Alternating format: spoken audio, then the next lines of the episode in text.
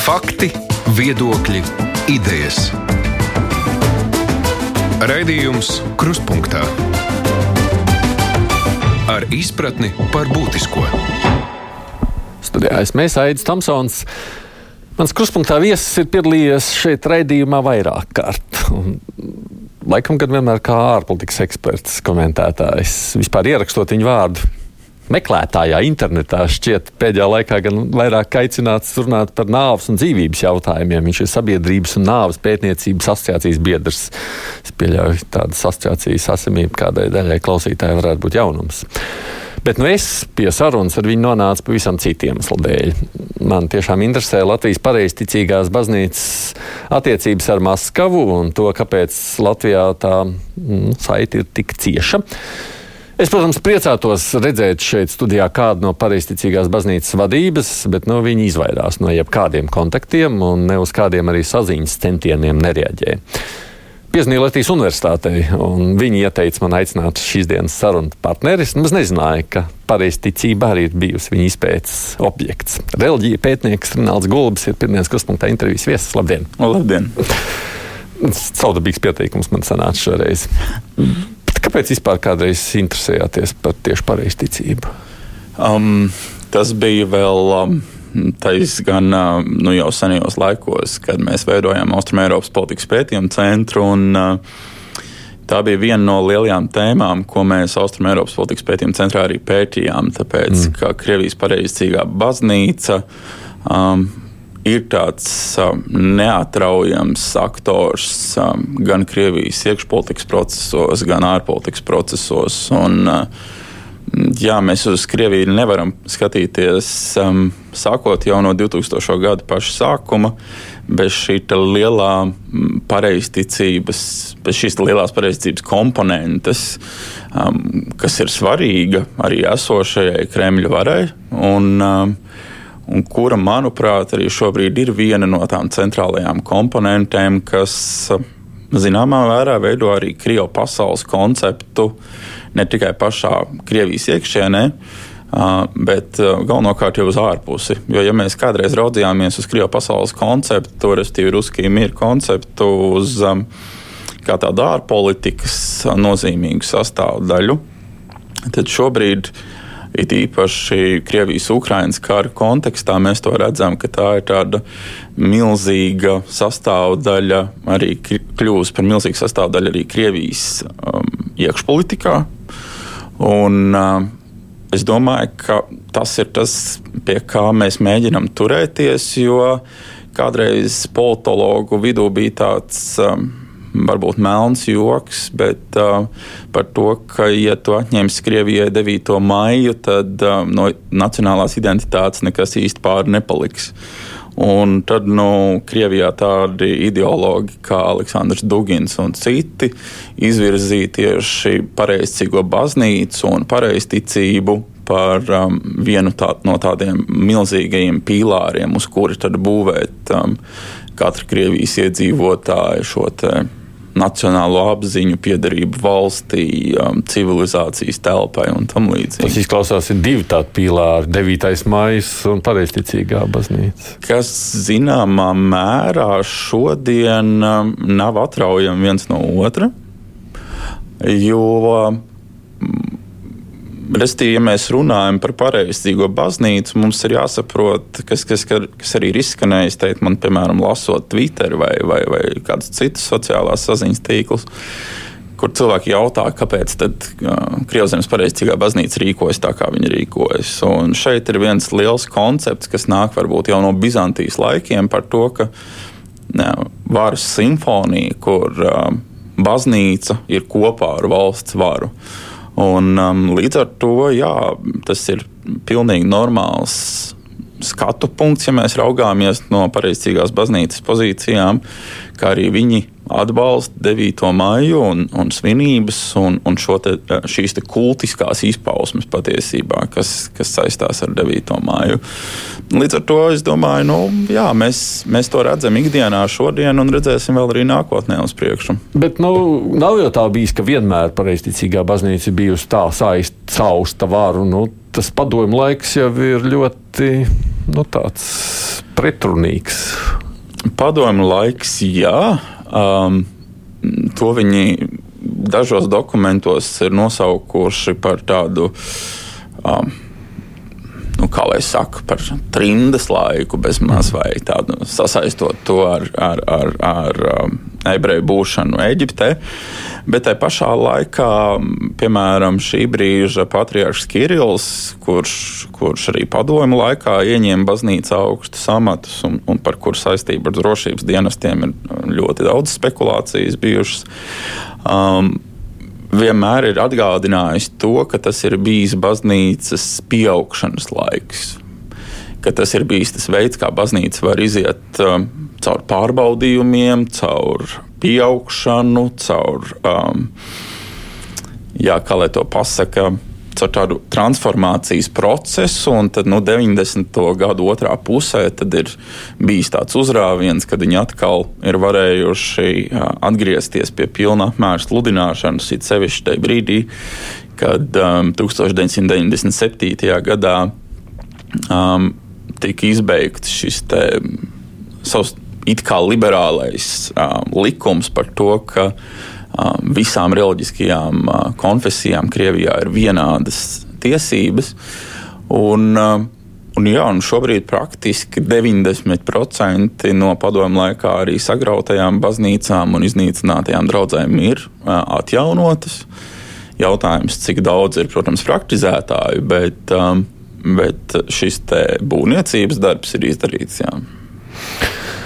Nu, jā, tajā pašā ska es skatījos vakardienas um, lieldienu tos ainas, un tur um, jau parādījies arī publiski video, kur tas Putins ierodas baznīcā, kamēr tur nav neviena cilvēka kopā ar Maskavas mēru, tad nofilmējās, nu, un pēc tam tad, kad jau sākās uh, īstais dievkalpojums, tad viņš, protams, tur vairs nav, bet tad video viņš tiek iemontēts iekšā, ka viņš atrodas ļaužu vidū. Uh, un baznīca, acīm redzot, nu, tātad, un baznīca šajā teātrī piedalās. Jo baznīcai tas ir svarīgi. Kāpēc baznīcai tas ir svarīgi? Nu šeit mēs varam atsaukties uz to tēzi, ka baznīca, Krievzemes pareizcīgā baznīca principā mums ir jāskata pareizticība nevis kopumā, kā mēs to raudzītos teiksim, visā pasaulē, uz dažādajām šīm pareizcīgām baznīcām un patriarchātiem. Bet tieši Maskavas patriarchātam vienmēr ir bijis svarīgi tas, ka viņi ir kopā ar šo monarhu, ar caru. Um, un, un, un Putins pilda šīs cara funkcijas. Un, Un arī Patriarchs Kirillis nav atsevišķās um, intervijās um, vairījies lietot šo apzīmējumu pamazaņik boži, jeb dievs vaidītais, ar to akcentējot Putina īpašo lomu. Un, jā, un, Viņiem ir senas attiecības, acīm redzot, varbūt arī no drošības dienesta laikiem. Un, uh, Putina parādīšanās baznīcā vienmēr ir arī kaut kādā veidā leģitimējusi šo pareizcīgās baznīcas klātbūtni visur un uh, nodrošinājusi to viņas mm, stingro stāju, lomu, esību uh, Krievijas iekšienē. Un, Un arī ārpusē ar to, ka mm, Krievijas pareizcīgā baznīca var piedalīties dažādu veidu procesos, arī ārpolitiski. Uh, Uh, Viņus vairāk, protams, apvienoto nāciju organizācija ir izmantojuši par savu skatuvi un izmanto joprojām, starp citu. Un, um, Un Putina parādīšanās baznīcā, dažādos, dažādos lielajos baznīcas svētkos, um, ir svarīgs, svarīgs brīdis, un, un, un, un mēs to nevaram novērtēt arī par zemu. Jā. Vienīgais droši vien kādreiz viņam vēl nebija bail aiziet uz sabiedrību. Tā viņam ir tomēr bail, vai ne, ka viņam šādi jātālu. jo tomēr, jā, jo tomēr arī, ja mēs skatāmies um, uz šo katedrāli, vai ne, tad, nu, protams, visus dalībniekus tu iepriekš nepārbaudīsi. Ne viņu drošības līmenī, ne uz vīrusu līmeni, mm. protams. Jā. Tas, protams, par kaut ko liecina. Bet, uh, nu, domājot par šo visu kopumā, pa priekšu mazliet no tāda tīra cilvēciskā skatu punkta. Mums jau tomēr baznīca lielā mērā vienai lielai daļai cilvēku, un jādomā jau, ka tikpat tev, cik man, saistās ar nu, tādu iekšēju, nu, varbūt tādu ļoti personiski piedzīvojumi, nu, kas ir tāds, nu, kur nu, mēs jau katrs savā dzīvē meklējam jautājumus, rodam kādas atbildes, uz kādiem atkal neatrodam. Mm. Cik tad, savukārt šajā te, nu, salikumā, kā tagad mēs zīmējam pareizticīgo baznīcu, nu, tā jau ir vairāk vara politika un viss pārējais. Cik tur paliek iekšā šis te, nezinu, intīmais uh, sirdsapziņas nu, jautājums? Nezinu, kā lai to noformulē labāk. Šeit mēs drīzāk varam skatīties uz to principu, ka pareizajā baznīcā vienmēr ir strādājis koncepts, um, ko pirms gadiem aprakstīja nu, jau no baznīcas izstumtais un, un, un, un visādi citādi prom aizgājušais Sevločs Čaplins, ko viņš formulē savos piecos postulātos par to, ka pareizcīgai baznīcai ir jāstrādā nevis uz individuālu cilvēku vajadzībām, um, gribām, grēku nožēlu un, un citām lietām, ar kurām jebkurai baznīcai un konfesijai būtu jānodarbojas. Bet tas jāizvirza tādā pretestībā pret uh, vairākumu. Respektīvi, ik viena cilvēka personīgā pārliecība, ticība uh, un, un, un, un, un, un šī iesaiste reliģijā ir upurējama iepratīm uh, vairākuma valsts, baznīcas, tautas interesēm un kopīgajai šai baznīcas lietai. Un, līdz ar to tas nav tā vienkārši, ka mūsdienās, ka mēs arī teiksim, aizējām uz baznīcu un ka, jā, ka tā ir mūsu intīmā lieta. Pareizcīgā baznīcā tā ir kolektīva lieta. Un um, viņi draugi šajā gadījumā uzsver kā kaut kādu tādu vismazāko daļu baznīcā, nevis atsevišķu draugu locekļu, kā vismazāko vienību baznīcā, kā tas būtu teiksim, mūsu rietumu uh, izpratnē, gan, gan pašā katoliskajā, gan luteriskajā baznīcā, kur, kur draudzes loceklis jau ir mazākā uh, vienība uh, baznīcā. Bet šajā gadījumā draudzene, un tad jau galvenais uzsvars jā, uz baznīcu kā, kā kopumu, nevis uz atsevišķu stāstu. Baznīcēni paši to apzinās. Baznīcēni paši to apzinās, mm. un uh, tas ir tas, kas um, pastāv um, pareizcīgās baznīcas doktrinālajās nostādnēs jau no Cāra Pētera pirmā laikiem. Tā ir lieta, kas nav mainījusies pēdējos mm, trīs un vairāk gadsimtu garumā. Un, uh, jā, šī būtība, mm, kolektīvs pār individualitāti ir. Um, ir raksturīga baznīcai arī šodien. Līdz ar to šeit arī nesanāca tāda kontradikcija padomu laikā, kad uh, sabiedrības šūniņa labi tika noteikta ģimene, bet nu, tomēr mums ir jābūt kolektīvos. Mm. Un kolektīvs nosaka to. Un līdz ar to šeit baznīcai arī padomju laikos nesanāca tāda disonance starp to.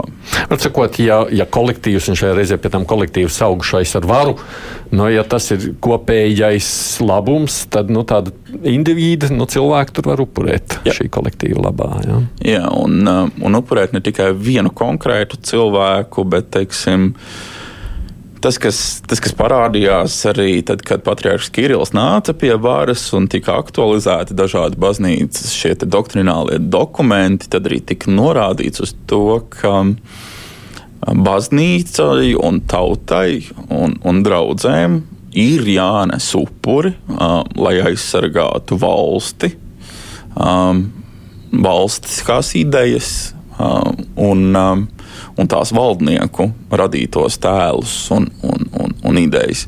Tā kā šajā gadījumā arī, ja mēs tur raucam acis un brīnāmies par to, ka baznīca svēta ieročus un, un um, neatsaucas uh, Romas pāvesta aicinājumiem uz, uz kādām sarunām, tad, um, vai uz pamieru, tad tas ir pilnīgi skaidrs, jo to viņi ir formulējuši jau gadus 20 pirms um, Krievijas-Ukrainas kara sākuma, jo viņi to uzskata par šu, šīs baznīcas un varas, jeb simfonijas aizstāvības lietu. Un, līdz ar to, jebkuri, kā viņi raksta vienā no saviem dokumentiem, tad jebkuri upuri ir nesami arī cilvēciski upuri, lai tikai saglabātu šo varas un baznīcas kopējo status quo, ja mēs tā varam teikt. Un, ja vajag upurēt atkritušo Ukrainu, tad arī to vai ne? Tieši tā, jo, um, piemēram, Krievijas pareizticīgā baznīca nekad nav izvairījusies iezīmēt divas lietas, un, kas mums ir jānošķir. Viņu kanoniskā telpa um, un um, tas, ko viņi sauc par um, Krievu pasaules telpu. Jo tieši pareizticīgā baznīca ir viens no šiem būtiskajiem um, Krievu pasaules. Um, konceptu autoriem. Un kanoniskā telpa vienmēr viņiem ir bijusi pati Krievija, Baltkrievija un Ukraina. Un, ja mēs tā varam teikt, tad šī pārējā ietekmes zona, ko viņi, ja mēs tā varam teikt, kvazi vai semi um, kanoniskā telpa, um, ir tās valstis, arī kurās, kurās kādreiz ir eksistējusi padomju vāra, tā skaitā Baltijas valstis, um, Moldova un, un uh, arī par lielu pārsteigumu varbūt. Um, tādas valstis, kurās arī islāms ir pamatā tomēr kā valdošā reliģija, kā Turkmenistāna, Taģikistāna un, un Kazahstāna. Bet to arī viņi uzskata par savu daļēji kanonisko telpu, ko viņi traktē kā austrumu kristīgās ietekmes civilizācijas telpu, kur viņiem ir tiesības un, um, un pienākumi aizstāvēt um, krievalodīgo iedzīvotāju intereses. Jo šajā gadījumā, ja mēs ar krievalodīgiem iedzīvotājiem Latvijā saprotam tos cilvēkus, kuri ikdienā ģimenē varbūt lieto saziņā krievu valodu, tad um, pareizcīgās baznīcas izpratnē, Maskavas patriarchāta izpratnē, um, Krievu pasaule ir visi um, iedzīvotāji, kas kādreiz ir piederējuši Padomju Savienībai vai Krievijas impērijas um, politiskajā telpā. Nu, te nu mēs nonākam pie šīs nu, otrās grūtās temata sadaļas, un Latvija un pareizticība Latvijā. Tas, ko mēs tikko pārnājām, tas ir ļoti biedējoši. Ne? No Latvijas tādas suverēnās un neatkarības viedokļa skatoties, nav tā. Man um, personīgi tā izklausās. Principā jā, jo nu, mēs esam iezīmēti kā šī ietekmes zona. Un, um, mēs nevienā brīdī neesam bijuši no tā izslēgti. Un, um, mēs, protams, varam spekulēt par to, cik, um, cik mūsu metropolīts Aleksandrs ir lojāls um, patriarcham Kirillam ir izskanējušas varbūt daudzas aizkulisku sarunas par to, cik liela ir šī pakļāvība vai nepakļāvība. Um, bet um, nu, skaidrs ir tas, ka ja mūsu baznīca, runā, runājot teoloģiskās kategorijās, ir autokefāli, respektīvi ar lielām pašnoteikšanās tiesībām, tad um, godīgi mēs varam pateikt, ka šī neatkarība ir tik vien tāla, cik, cik tā ir geogrāfiski patstāvīga baznīca. Nevis kanoniski vai baznīcas tiesībās vai kā citādi. Un šeit mēs varam vienīgais akcentēt to, ka metropolītam Aleksandram ir jā, kanoniskās tiesības teiksim, deleģēt tālāk funkcijas kādiem citiem biskupiem un tam līdzīgi, kā tas ir pēdējos gados noticis, un veidot um, jaunas diecēzes Latvijas teritorijā, eparhijas. Un, Bet, ja mēs tā raugāmies, tad Latvijas pareizcīgā baznīca ir cieši pakļauta un saistīta ar Maskavas patriarchātu. Un, Nu, cik, cik man ir zināms, tad um, tautā bieži vien mums ir šī diskusija, tad kāpēc mūsu pareizcīgie nevar pievienoties Konstantinopolis patriarchātam, tad uh, uh, mūsu pareizcīgās baznīcas iekšienē šāda diskusija patiesībā nav notikusi par to. Par šādu ideju, ka tā varētu notikt. Un, um, Nav uzskatījuši par vajadzīgu to, ne? Jā, jo ir salīdzinoši ērti un, un labi tā kā ir um, pagaidām. Un, uh, Un viņi neredz vajadzību mainīt šo patriarchālo piedarību. Nu, droši vien, lai klausītājiem pateiktu, mēs par to Latvijas nostāju runāsim pēc mirkļa plašāk, bet lai mēs saprastu vispār šīs pareizticības nu, kaut kādu uzbūvi, jeb arī vēsturisko kontekstu. Nu, ir pareizticīgo baznīcu, bet nav jau tikai Krievijas. Ir taču vēl citas, nu, izskaidrojiet mums tādiem, nu, kas neesam pareizticīgi. Tas, nu, kā, tas, kā, kā tos izskaidrot? Kas, tur, kas ir Grieķijā, kas ir kaut kur citur? Jā, nu, tā tur, piemēram, mēs varam ņemt arī šobrīd Ukraiņas piemēru. Jā. Ukrainā eksistē trīs dažādas pareizcīgās baznīcas. Un, um, viena no šīm ir Maskavas patriarchāta um, pakļautībā vai pārziņā kanonisko tiesību izpratnē. Tad uh, otra ir um, Kievas patriarchāta pārvaldē, kas ir, um, kas ir neatkarīga baznīca um, uh, tādā izpratnē, ka viņi ir prom no uh, Maskavas patriarchāta un saņēmusi arī šo tomosu, jeb um, um, klātbūtnības apliecinājumu no vispasaules patriarchātu Konstantinopolē. Un tad ir šī tāda ma, vismazākā vienība, kas ir tāda Ukraiņas autokefālā pareizcīgā baznīca.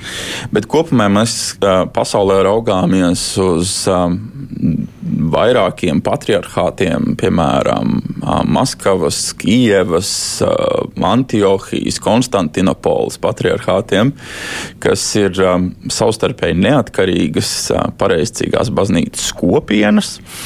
Un tādā gadījumā jā, viņām ir tiesības atzīt valstu ietvaros citas pareizcīgās baznīcas un tuvināt viņas savai kanoniskajai mācībai. No Eiropā, protams, mēs visvairāk balstāmies uz divām. Šiem, uz diviem patriarchātiem tie ir um, Maskavas patriarchāts, kam ir teiksim, tā Eiropas iekšēnē vislielākā ietekme gan runājot par um, kādreizējās Padomju Savienības telpu, gan uh, um, Dienvidslāvijas valstīm, Balkānos un, um, un citviet, arī tajā pašā mm, Francijā. Um, un, un, un, un, un tam līdzīgi. Un tad ir šī te, uh, grieķu saucamā daļa, kas vairāk ir uh, pakļauta Konstantinopolis patriarchātam. Un tad jau, ja mēs runājam par, par tuvajiem austrumiem un, un, un Āfrikas valstīm un, un tam līdzīgi, tad tur tomēr atkal lielāka ietekme, protams, Antiohijas patriarcham. Bet, uh, jā, šī te... Tā kā viena konfesija, bet ar dažādiem varas centriem kaut kā tā. Nu, respektīvi, jā, ja mēs, ja mēs runātu tādās līdzībās, tad, teiksim, mums šobrīd būtu trīs Romas pāvesti Eiropā. Mm. Ja mēs runātu tādās... Trīs pāvesti, bet ne Romas. Bet ne Romas. Jā, trīs pāvesti. Nu, jā, teiksim, jā, viens jā. būtu joprojām Aviņonā, kā no viduslaikiem, viens Romā, un, un, un tad trešais tā, varbūt Jeruzalemē. Kaut kas viņus kopā vieno, kaut kāda kopīga izpratne ticības. Jā, jā, jā tā, tā tad, teiksim, nu, tās ir vai neticības apliecības, pamat, pamatnostādnes par biblisko kanonu, um, grēku izpirkšanu un augšām celšanos un, un, um, un divgaldu kopību. Um, un, un, un tās tieši šīs liturģiskās lietas, jā, bet um, tomēr ir arī kādas atšķirības, kas, kas, um, kas viņus uh, nevar apvienot teiksim, viena patriarcha izpratnē. Ja. Nu, šī saukšana ar vāru, ko mēs tik ļoti redzam Krievijā, mēs taču neredzam tajos citos patriarchātos, vai redzam tomēr Grieķijā tepat. Um, Noteikti ne tādā izpausmē, kā, kā Maskavas patriarchāta gadījumā. Um, tur šī simfonija vairāk tiek realizēta ne tādā bizantiskā izpratnē, kā tas bija uh, imperatora Justiniāna laikos, kad viņš definēja šo simfoniju starp varu un baznīcu, bet drīzāk um, tādā izpratnē, ka baznīca ir lojāla uh, pastāvošajai varai. Mhm. Uh, bet um, viņa noteikti nav saugusi um, ar, ar, ar varu, kur uh, viens ietekmē viena lēmumus un pretēji. Un, uh, jā, viņi noteikti nav tāds nozīmīgs politiskais spēlētājs, kā mēs redzam. Um, Konstantinopols patriārhs noteikti nav politiska figūra, kāds, kāds ir patriārhs Kirillis. Tā, tā ir tāda zināmā mērā izvēle paša patriarchāta, ja kādā veidā viņi to jā, protams, jā. simfonijas realizēšana ir patriarchāta izvēle. Jā. Mhm. Atgriežamies pie Latvijas. Tikai droši vien, ka es atgādināšu klausītājiem, tie, kas mums vēlāk pieslēgušies, mēs runājam ar nu, reliģiju pētnieku, bet viņš arī politikas sabiedrības pētnieks Rināls Gulbis. Raidījums Krustpunktā. Latvijā tā pareizticība vēsturiski veidojās tāpēc, nu, ka mēs bijām Krievijas daļa. Ja? Tas Jā. vienkārši sanāca tā, nu, automātiski saudzes. Nu, redz, šeit nav viennozīmīgs. Nav viennozīmīgs. no. Um, šeit uz atsevišķu arheoloģisku materiālu pamata un uz vienas um, kronikas pamata uh, pareizcīgās baznīcas klātbūtne tiek traktēta no 11. gadsimta. Un tas ir tas, ko gan atsevišķi Krievijas politiķi mīl uzsvērt par to, ka tomēr it īpaši Latvijas teritorijas zemes ir kristianizējuši pirmie pareizticīgie, un to mēs nevaram noliegt. Šādi arheoloģiski pierādījumi mm. uh, Latvijas pusē tiešām ir bijuši vērojami. Ātrāk par katoļiem. Ātrāk par katoļiem, mm. jā. Un, uh, Vai vismaz, bet mēs nevaram runāt varbūt, par kristianizāciju no pareizākās baznīcas puses tādā izpratnē, kā tas pēc tam notika, teiksim, tā paša bīskapa Alberta laikā. Bet vai, vai, vai šie arheoloģiskie atradumi tomēr nav bijuši vairāk kā tādas tirzniecības sakara paliekas? Um, jo tirgošanās tomēr ar, ar, ar Krievijas zemes uh, kņazistēm notika, un, un, un tas ir nenoliedzams fakts. Un tad ir otrs, protams, lielais moments, ne, kad sākas pareizcīgās baznīcas ekspansija pēc tam, kad Latvijas um, teritorijas gubernijas nonāk Krievijas impērijas sastāvā un kad tad tiek celtas, ir sevišķi vidzemē, ļoti liels skaits pareizcīgo baznīcu, un, un arī, piemēram, tais pašos kurzemes zvejnieku ciemos, un, un te kaut vai kolkā, kur mēs joprojām redzam pareizcīgo baznīcu un, un, un, un tādas lietas. Jā. Bet uh, tas lielais uzsvars, uh, ko, teiksim, vēsturniece Vīda augstu ir pētījusi, jā, kad, kad vidzem ir bijis tas, tas um, punkts, kur pareizcīgās baznīcas ietekme ir bijusi vislielākā, un um, tieši tāpat arī, protams, pesticīdnieki, kas šeit paglābās no vajāšanām. Un, un ja mēs runājam par Livon, kādreizējās Livonijas teritorijām, tad, protams, arī um, Dienvidigaunija, um, Tartu apkārtne un, un tur, kur arī um, vai nepareiztīgās baznīcas ietekme ir pieaugusi. Bet tas, kas ir svarīgi, šie abi fakti, gan neskatoties, vai tas būtu 11. vai, vai 18. gadsimts, tad um, tiek izmantoti bieži vien būvējot Krievijas ārpolitiku, ka, lūk, jūs jau esat mūsu vēsturiskās teritorijas. Un, um, kāpēc tas manā izpratnē ir diezgan bīstami? Ka šī pati retorika tiek izmantota Ukraiņas kara sakarā, um, paziņojot, ka um, šī ir mūsu kanoniskā telpa, un mūsu kanoniskajā telpā esošie ļaudis neko neatšķiras no tiem cilvēkiem, kas uh, dzīvo pašā Krievijā. Un līdz ar to mums ir tiesības aizsargāt uh, arī ar militāriem līdzekļiem mūsu baznīcas kanonisko telpu, lai saglabātu um, šo ietekmi. Un kas ir svarīgi, uh, es iepriekš minēju par to upuri, kas ir jānes, um, varbūt arī militāru upuri un cilvēku upuri. Tad tur um, pareiz, ja Maskavas patriarchāts, um, pareiztīgās baznīcā, uh, ir pateikusi, ka, lai aizsargātu baznīcas relikvijas, ikonas un baznīcas telpu, um, ir pieļaujami jeb, uh, jebkādi cilvēku upuri. Tātad nostādīt šo te um, telpu pār visiem citiem, kas, kas protams, nav raksturīgs ne, ne katoliskajai, ne, ne protestantiskajai tradīcijai. Latvijā pareizticība šobrīd, vismaz viņi paši sev saskaita vislielākā baznīca. Uh, pēc pēdējiem aprēķiniem arī Igaun, mūsu sekulārākajā valsts Eiropā, Igaunija, arī tur visvairāk teorētiski tiek uzskaitīti. Um, kā pareizcīgā baznīca. Bet Latvijā mums tā cīņa par tiem skaitļiem ir ļoti interesanta. Un, un ja mēs paskatīsimies, tad katra baznīca būs savulaik izplatījusi ziņu, ka viņi ir vislielākie Latvijā. Un ja mēs saskaitām visus tos kopskaitus, tad Latvijā ir vairāk kā 3 miljoni iedzīvotāji.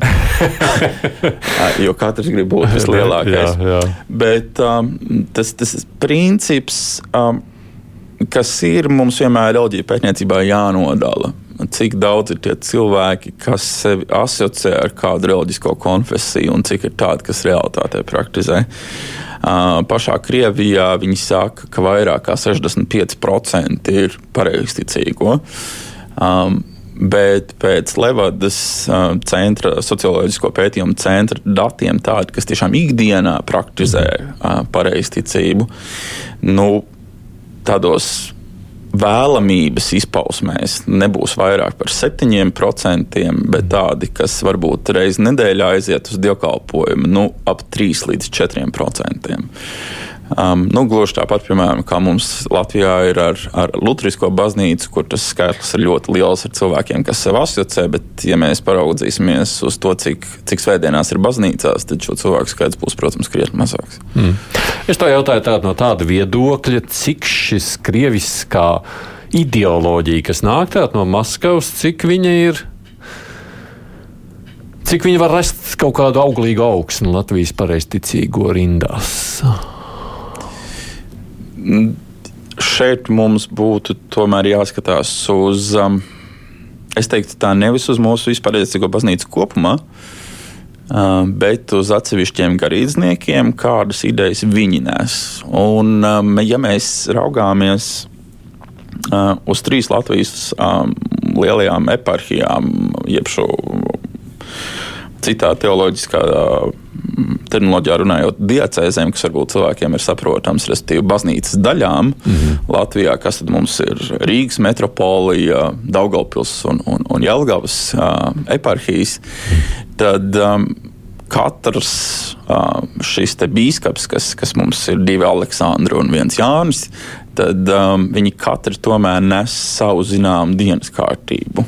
Un, um, spekulēšu, varbūt, bet cik man ir zināms, tad, piemēram, Jālgaus bīskaps ir tomēr tāds, ja mēs tā varam teikt, rietumnieciskāk noskaņots attiecībā teiksim, pret Daugaupils bīskapu vai ne. Un, un šis ir tas gadījums, kur mums ir jāskata. Mēs nevaram uzskatīt visu pareizcīgo baznīcu Latvijā par vienotu veselumu.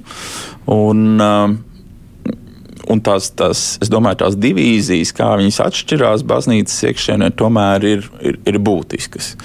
Un, uh, Mēs, protams, nevaram skatīties uh, tikai uz uh, mūsu metropolīta paziņojumiem, uh, tagad arī lieldienu laikā un tam līdzīgi. Tas ir, protams, apsveicami, ka viņš ir nosodījis arī kara darbību Ukrajinā un tam līdzīgi, bet um, viņš, protams, ir redzamā seja Bet, ja mēs no citām mūsu konfesijām redzam arī atsevišķas citas balsis garīdznieku vidū, tad no pareizcīgās baznīcas mēs redzam šo vienu balsi, un tad acīm redzot, mēs varam izsacināt to, ka kūrī vienkārši ir pateikusi, ka nu, šī būs tā mūsu balss, un tad. Um, citu garīdznieku viedoklis, varbūt, lai paliek labāk pārējai publikai nesevišķi zināms un šī pārliecība.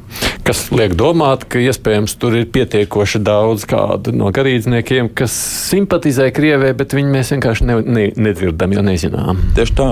Un, um, Un, jā, un, un pareizticīgā baznīcā, protams, virsgans ir, ir, ir tāda paaugstināta figūra. Um, tas ir uh, ja mēs skatāmies uz protestantiskajām konfesijām, tad, protams, ne, mēs redzam, vai tas ir mācītājs vai, vai, vai sludinātājs. Viņš nāk no draudzes un ir draugs, kā teica Mārtiņš Luters. Tad pareizcīgā baznīcā tā noteikti nav. Tad, um, strikta hierarhija. Uh, strikta hierarhija, un tas ir tas, ko arī pareizcīgā baznīca ir uzsvērusi vairākas reizes. Un, un arī kā viņi saka, savā atjaunošanas laikā, 2000. gada sākumā, kas sākās jā, pašā 2000. gada sākumā, tad, protams, šī varas vertikāle viņiem ir tuva kā baznīcā.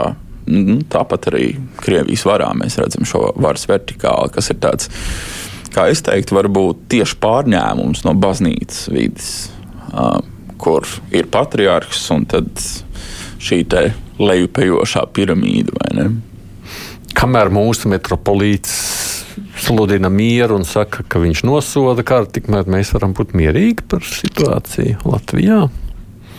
Zinot arī tos tas, attiecības starp mūsu metropolītu un cik, cik ir pētīts un cik vispār ir pieejama kāda informācija par to, um, tad um, viņš nav patriarchs Kirillis, viens no iemīļotākajiem metropolītiem. Noteikti nē.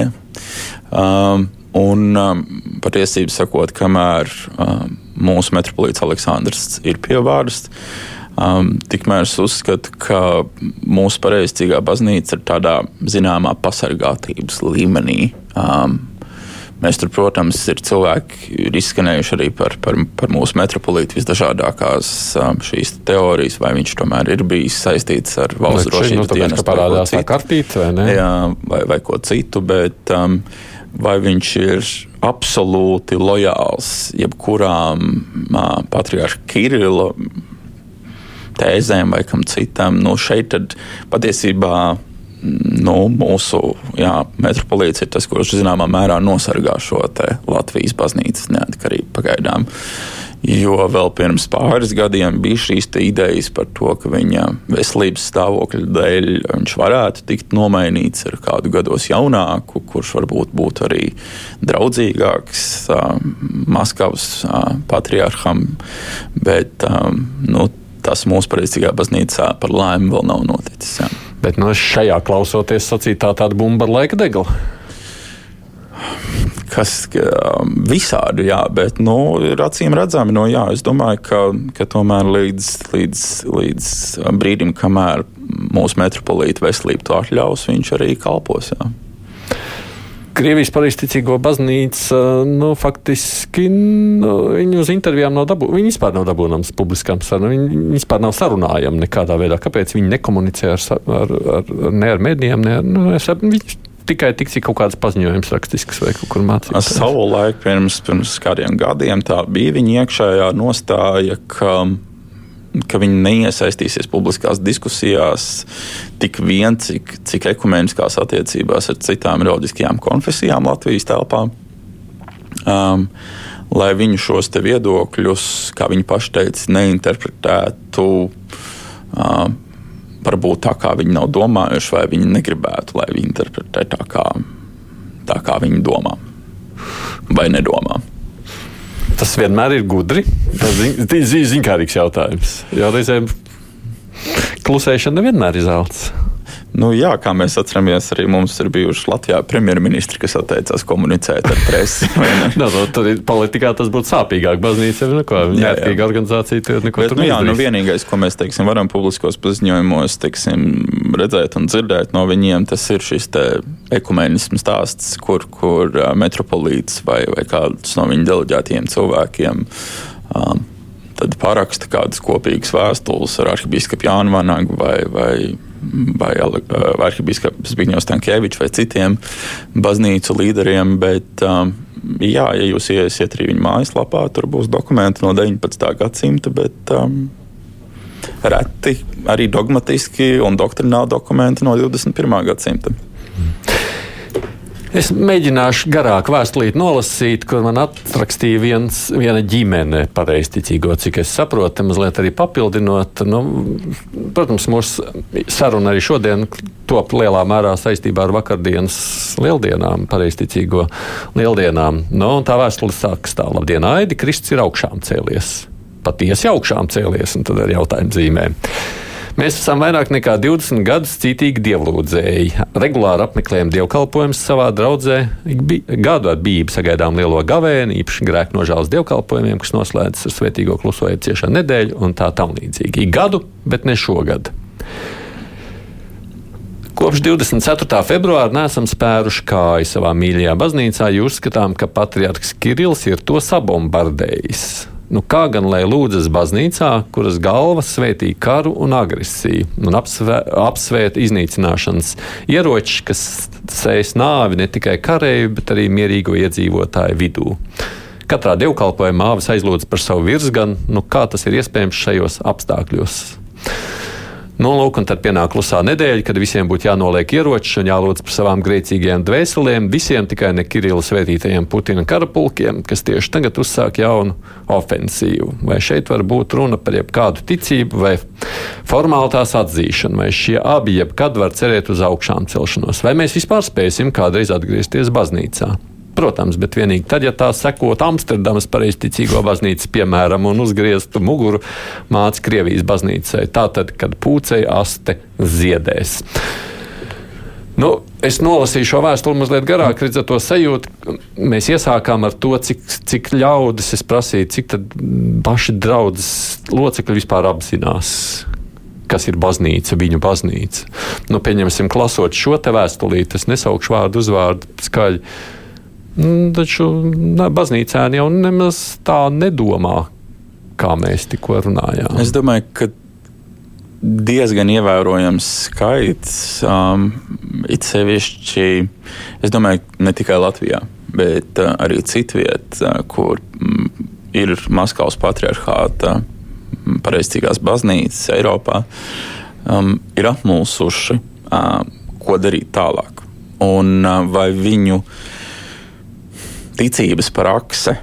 Um, jā, tas, tas, tas, tas veids, kā viņi praktizē um, ticību, un, un, grēku nožēlu un svin svētkus, vai tas ir kādā veidā savietojams ar to, kas, kas notiek um, pašā Krievzemes parīztīgajā baznīcā.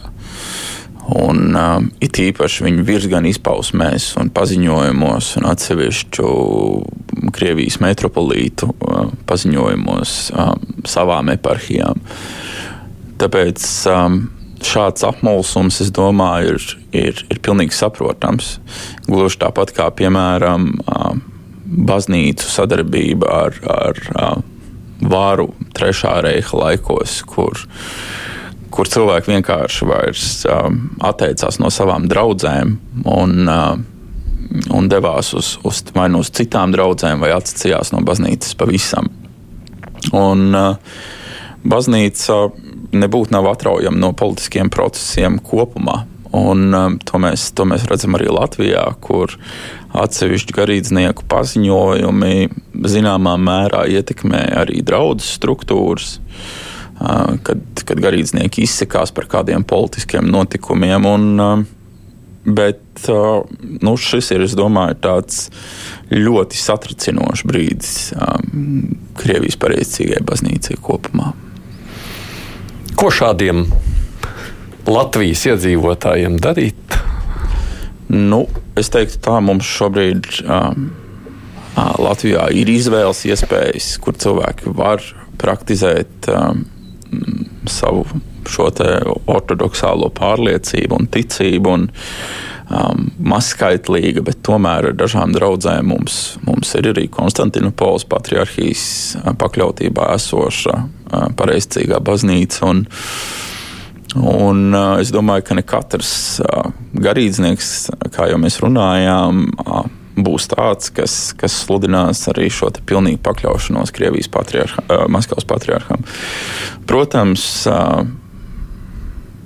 kamēr viņi ir Mas Maskavas patriarchāta pakļautībā, tikmēr tas viņiem ir kanonisks pienākums aizlūgt par savu virsganu. No tā viņi nevar izvairīties. Hmm. Publiskajā telpā, protams, arī šeit ir pieminēts Aleksandrs Kirsteins atgādījums. Viņš te raksta mums, nu, ka pareizticīgās baznīcas sinoda 35. gada 11. novembrī nobalsoja par pāriešanu Konstantinopolis patriarchijā. Latvijas metropolītu Sugustīnu nomainīja ar NKVD aģentu Sergiju. Vai tā Latvijas okupācija un Kremļa lēmumi šodien ir spēkā? Um šis ir tāds baznīcas tiesību jautājums, vai lēmumi, kas ir pieņemti mūsu visu konfesiju iekšēnēs un baznīcas iekšēnēs ir spēkā šodien. Tikpat labi mēs šādus jautājumus varam uzdot arī attiecībā pret um, evaņģēlis Lutrisko baznīcu, kur um, tās sinožu lēmumi uh, pēc otrā pasaules kara šī brīža baznīcas iekšēnē tiek uzskatīti par leģitīmiem, um, grozīti, protams, bet leģitīmiem. Un uh, arī šajā gadījumā jā, pār, šis īsais laika periods, ko, ko Latvijas pareiztīgā baznīca bija Konstantinopols um, patriarchijas pakļautībā, vai ne? Nu, tas tiešām bija tāds īss periods un uh, vairāk politiski uh, motivēts, bet um, jautājums, nu, tad pareiztīgai baznīcai, protams, ir jāpārskata savas pozīcijas. Bet, um, nu, šeit arī Kešteina kungam, kā cilvēkam, kurš ir balsojis par likumu uh, par Latvijas valsts un uh, pareiztīgās baznīcas attiecībām, būtu jāzina, ka valsts ir leģitimizējusi uh, Latvijas pareiztīgo baznīcu pēc tāda ģīmju un līdzības, kādā Latvijas valsts un saima ir atzinusi viņus. Mm. Kāpēc Igauniem? Jo mēs zinām, ka Igaunija savukārt 90. gados aizgāja. Ja, no, man. Igaunijā arī ir divas, divas, joprojām, divas baznīcas, jā. jā, bet, nu, protams, Maskavas patriarchāts ir pēdējos gados pielicis liels pūles un nostiprinājis šīs savas pozīcijas. Mm. Um, Igauniem gan, jā, 19% no visiem Igaunijas iedzīvotājiem sevi asociē ar pareizcīgo baznīcu, un tā ir lielākā konfesija valstī. Tālāk ir Lutāņi ar ievērojumu atrāvienu par, ar, ar tikai 9%. Un, uh, Maskavas patriarchāta baznīcas ir tās, kas tomēr ir vairākumā. Tomēr vairākumā ir. Jā. Nu, proti, iemesls, kāpēc tas netiek apsvērts, jo viņiem nešķiet svarīgi iet prom no Maskavas. Jā, jā absolūti nē. Absolūti nē. Jo tās ir gan, gan finanšu saites, kas, kas, kas tomēr ir būtiskas, um, gan, gan arī šī te, tomēr, ciešā saukšana un, un, un, un politiskās struktūras ietekmes ir tās, kas, kas nosaka um, katras šīs nacionālās um, daļas, baznīcas um, saistība ar Maskavu. Un, um, mums viņas 30 gadu garumā ir bijušas um, nu, tā, brīžiem stiprākas, brīžiem vājākas saites atkarībā no tā, kā, kādas ir bijušas tā brīža politiskā konjunktūra arī. Bet nu, mēs nevaram teikt, ka teiksim, šobrīd. Latvijas pareizajā baznīca, manā izpratnē, būtu gatava uh, lūgt Tomosu uh, Konstantinopols patriarham un teikt, mēs tagad iesim ar jums. Tas būtu varbūt pat lielāks skandāls zināmā mērā nekā um, uzvaras pieminiektu nojaukšana pārdaugavā. Mm, Ukraiņiem jau tas tā gan notika, atceramies. Bet Latvijai arī patiesībā mums taču bija pirms dažiem gadiem mēģinājumi izveidojās Latvijas autonomā pareizticīgā baznīca. Viņi, arī ir, viņi ir arī legāli Latvijā un, jā, un pakļauti. Satversmes tiesa beigās mm. lēma par labu viņiem, bet ļoti lielu popularitāti viņi nav spējuši gūt. Jā. Ne. Absolūti nē, jā. bet nu, teori, likumiski un, un, un praktiski Latvijā viņi šeit ir un, un praktizējām. Oh, man ir tikai dažas minūtes palikušas līdz beigām. Kā nu, mēs domājam, tiešām mums domājams, ir pietiekoši liels pamats domāt, ka Krievijai šis karš varētu nebeigties veiksmīgi. Un kas tad notiks ar pareizticīgajiem šīs baznīcas izpratni? Tad, ja Putins nu, zaudējis. Es nezinu, kā lai es citādi to nodēvēju. Nu, šajā gadījumā tā varētu būt um, teiksim, tā, psiholoģiska katastrofa baznīcas vadībai. Mm. Kā to paskaidro draudzēm, jo viņi tomēr um, šobrīd Krievijā lūdzas par karu uh, un par saviem bruņotajiem spēkiem. Uh, par to viņi katru svētdienu lūdzas. Bet no atsevišķiem uh, Krievijas pareizākās baznīcas uh, vadītājiem, uh, ne tā zemākā līmeņa, ir arī izskanējuši te, uh, aicinājums pēc mazās schizmas, kur uh, atsevišķas uh, draudzes varētu atdalīties un veidot kaut ko blakus stāvošā esošajam Maskavas patriarchātam. Gluži kā tas notika Ukrajinā 90. gados, kad Ukrajinā izveidojās Ukraiņas Kijavas pareizcīgā baznīca. Tad, tad šajā gadījumā kaut kas līdzīgs varētu notikt Mask Krievijā. Bet, es domāju, ka šeit visticamāk, gluži tāpat kā Krievijas pareizcīgā baznīca ir pielāgojusies katrai nākošajai varai, tad arī šeit tiks atrasts veids ar izmaiņām pareizcīgās baznīcas vadībā, kā pielāgoties nākošajam varas posmam Krievijā. Nu, Sakot, atrast, ja paskaidrot var tāpat kā jebko, vai ne? nu, teikšu, ka man personīgi kā klausoties, domāju, hm, es negribu kļūt par pareizticību. Bet, nu, jebkurā gadījumā, skatoties uz visu pārējo, tā ir tāda katra paša cilvēka izvēle Latvijā, ko viņam darīt. Tieši tā. Kur viņš var meklēt kaut kādu informāciju? Es jau teicu, mēs par pareizticīgo tik ļoti maz ko zinām, ka reizēm mēs paši nevaram atrast nekādu informāciju Latvijā. Jā, bet uh, ir ļoti daudz arī informācija pieejama gan angļu, gan krievu valodās. Arī, um, no tā paša Konstantinopols patriārha, no, no Grieķu katoļu baznīcas. Kā, ja cilvēki vēlas praktizēt savu ticību, tad gluži kā Covid laikos, kad ļoti daudz dievkalpojumu notika online, arī tiem šobrīd ir iespējams sekot līdzi gan no, gan no Grieķijas, gan no paša Afona kalnu klostera, gan, gan, gan Konstantinopols, kur arī dievkalpojumi notiek senslāvu valodā. Tā kā iespējas ir. Un, ja es pusminūtē, kā tādā politikas ekspertam prasa, tad karš kā beigsies? Es domāju, ka tas nebūs ātrs, un, bet tas nebūs arī iesaldētais konflikts tādā izpratnē, kā mēs to redzam Krievijas, citos, Krievijas uzsāktajos citos gadījumos, Grūzijā, Moldovā vai kur citur. Viņi mēģinās iesaldēt Donbasu, bet, bet jautājums ir par to, ka šobrīd ir pavisam cita situācija. Un tā Ukraina, kas bija pirms astoņiem gadiem, nav vairs tā Ukraina, kas ir šodien ar tādu cerīgu skatu. Mēs beidzam šīs dienas sarunu ar Sabiedrības un Nāves pētniecības asociācijas biedru reliģiju pētnieku Rinaldu Gulbu. Paldies! Paldies! Ka atnāc studiju.